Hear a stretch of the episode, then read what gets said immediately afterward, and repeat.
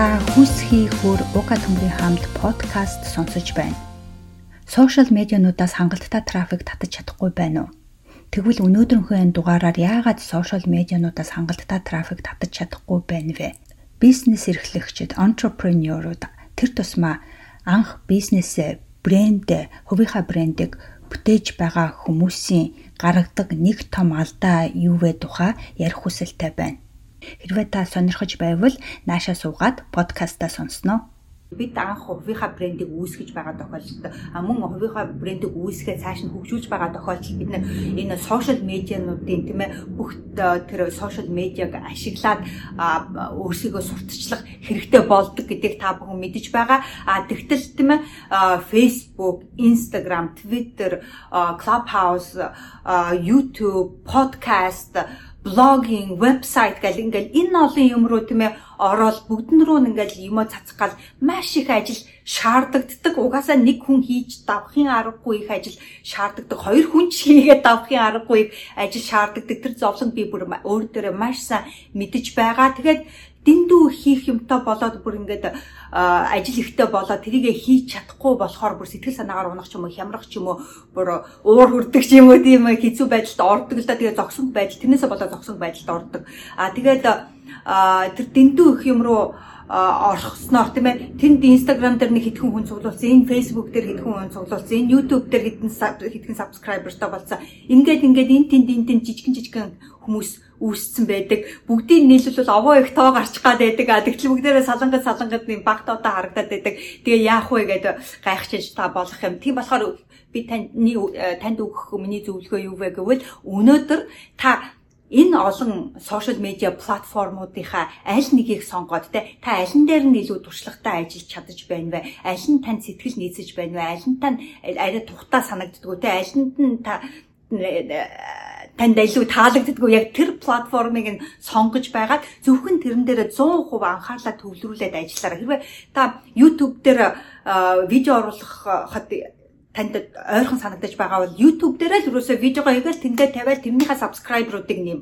А хэрвээ та Twitter дээр илүү гарамгай санагдаж байгаа бол та Twitter дээр л юм уу хийгээл тэн дээр олон followers-удаа үүсгдэг ч юм уу тийм ээ. Эсвэл та подкаст хийхдээ гарамгаа бол ерөөсө подкастаа хийгээл тэрэн дээр подкастаараа дамжуулаад олон фолловертай болчих. А тэгэд нэг газараа олон фолловертай болоод потенциалтай худалдан авахч олон хүмүүстэй болоод сабскрайбертай болоод ирэх юм бол тэр нэг платформудаа тэр хүмүүсээ та бусад өөр платформ руу дараа нь явуулах боломжтой байдаг. Тийм болохоор нэг платформ дээр анхаарлаа төвлөрүүлээрэ. Жишээлбэл миний хувьд яаж исэн байг вэ? Би анх Facebook дээр хамаг анхаарлаа төвлөрүүлж байсан. Блог дээр гаргасан контентоо ерөөсөө Facebook руугаа цуглуулна 50 Facebook дээр постоо гаргана, Facebook дээр комментоо өгнө. Бусад өөр юун дээр ч анхаарлаа төвлөрөхгүй зөвхөн Facebook дээр 100% анхаарлаа би төвлөрүүлж чадсан учраас миний Facebook-ийн followers фэнүүдийн тоо маш их өндөр хэмжээтэй болсон. А тэгээд нэг л мэдхэд би тэр урсгалаа Instagram руу юм уу Twitter руу юм уу аль нэг рүү нь ерөөсөө явуулаагүй.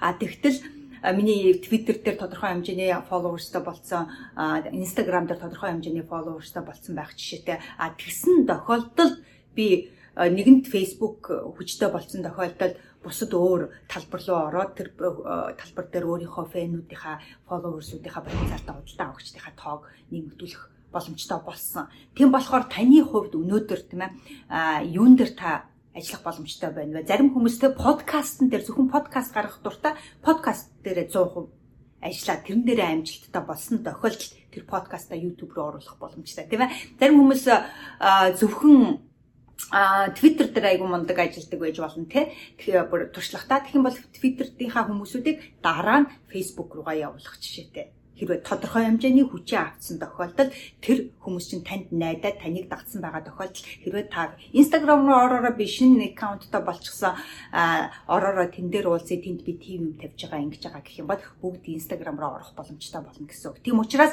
толгоогоо гашилгах ерөөсөө хэрэггүй энэ олон юм руу нэг зэрэг орох шаардлага байхгүй. Өнөөдөр зөвхөн нэг юмн дээр анхаарлаа төвлөрлээд тэрнийхээ тоог нэмэгдүүлэх тэрэн дээрээ та потенциалтай худалдаа авагчдаа үүсгэх тэрэн дээрээ та хангалттай followers үүсгэж тэрэн дээр та хүмүүсийн анхаарлыг татаж хүмүүсийн итгэлийг авч өөрийнхөө юмыг тавьж хэрэгтэй мэдээлэл тавьж өөрийнхөө дагалт шид followers одоо фэнүүдээ үүсгэх боломжтой юм шүү гэдгийг би өнөөдрийнхөө бичлэг дээр оруулах хүсэлтэй байна. Оруулж байгаадаа маш их баяртай байна. Тэгэхээр та та юу гэж бодож байна вэ? Та хэрвээ аль нэг платформыг сонгохоор болвол таны тэр сонгож байгаа платформ чинь яг юу байх вэ? Facebook байх уу, Twitter байх уу, Clubhouse байх уу, podcast байх уу, блог байх уу, YouTube байх уу, аль нь байх вэ? Тэрийгээ доор хуваалцаараа тэгээ гарч байгаа бэрхшээлүүд юу вэ? Танд яг тохиолдоод байгаа бэрхшээлүүд юу вэ гэдгээ бас надтай хуваалцах юм бол би маш их баярлах болноо.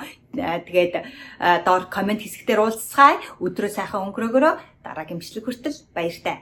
Хүс хий хөр зөвхөн таны өөрийн хүсэл эрмэлзэл таныг амжилтанд хүргэнэ. Баяртай.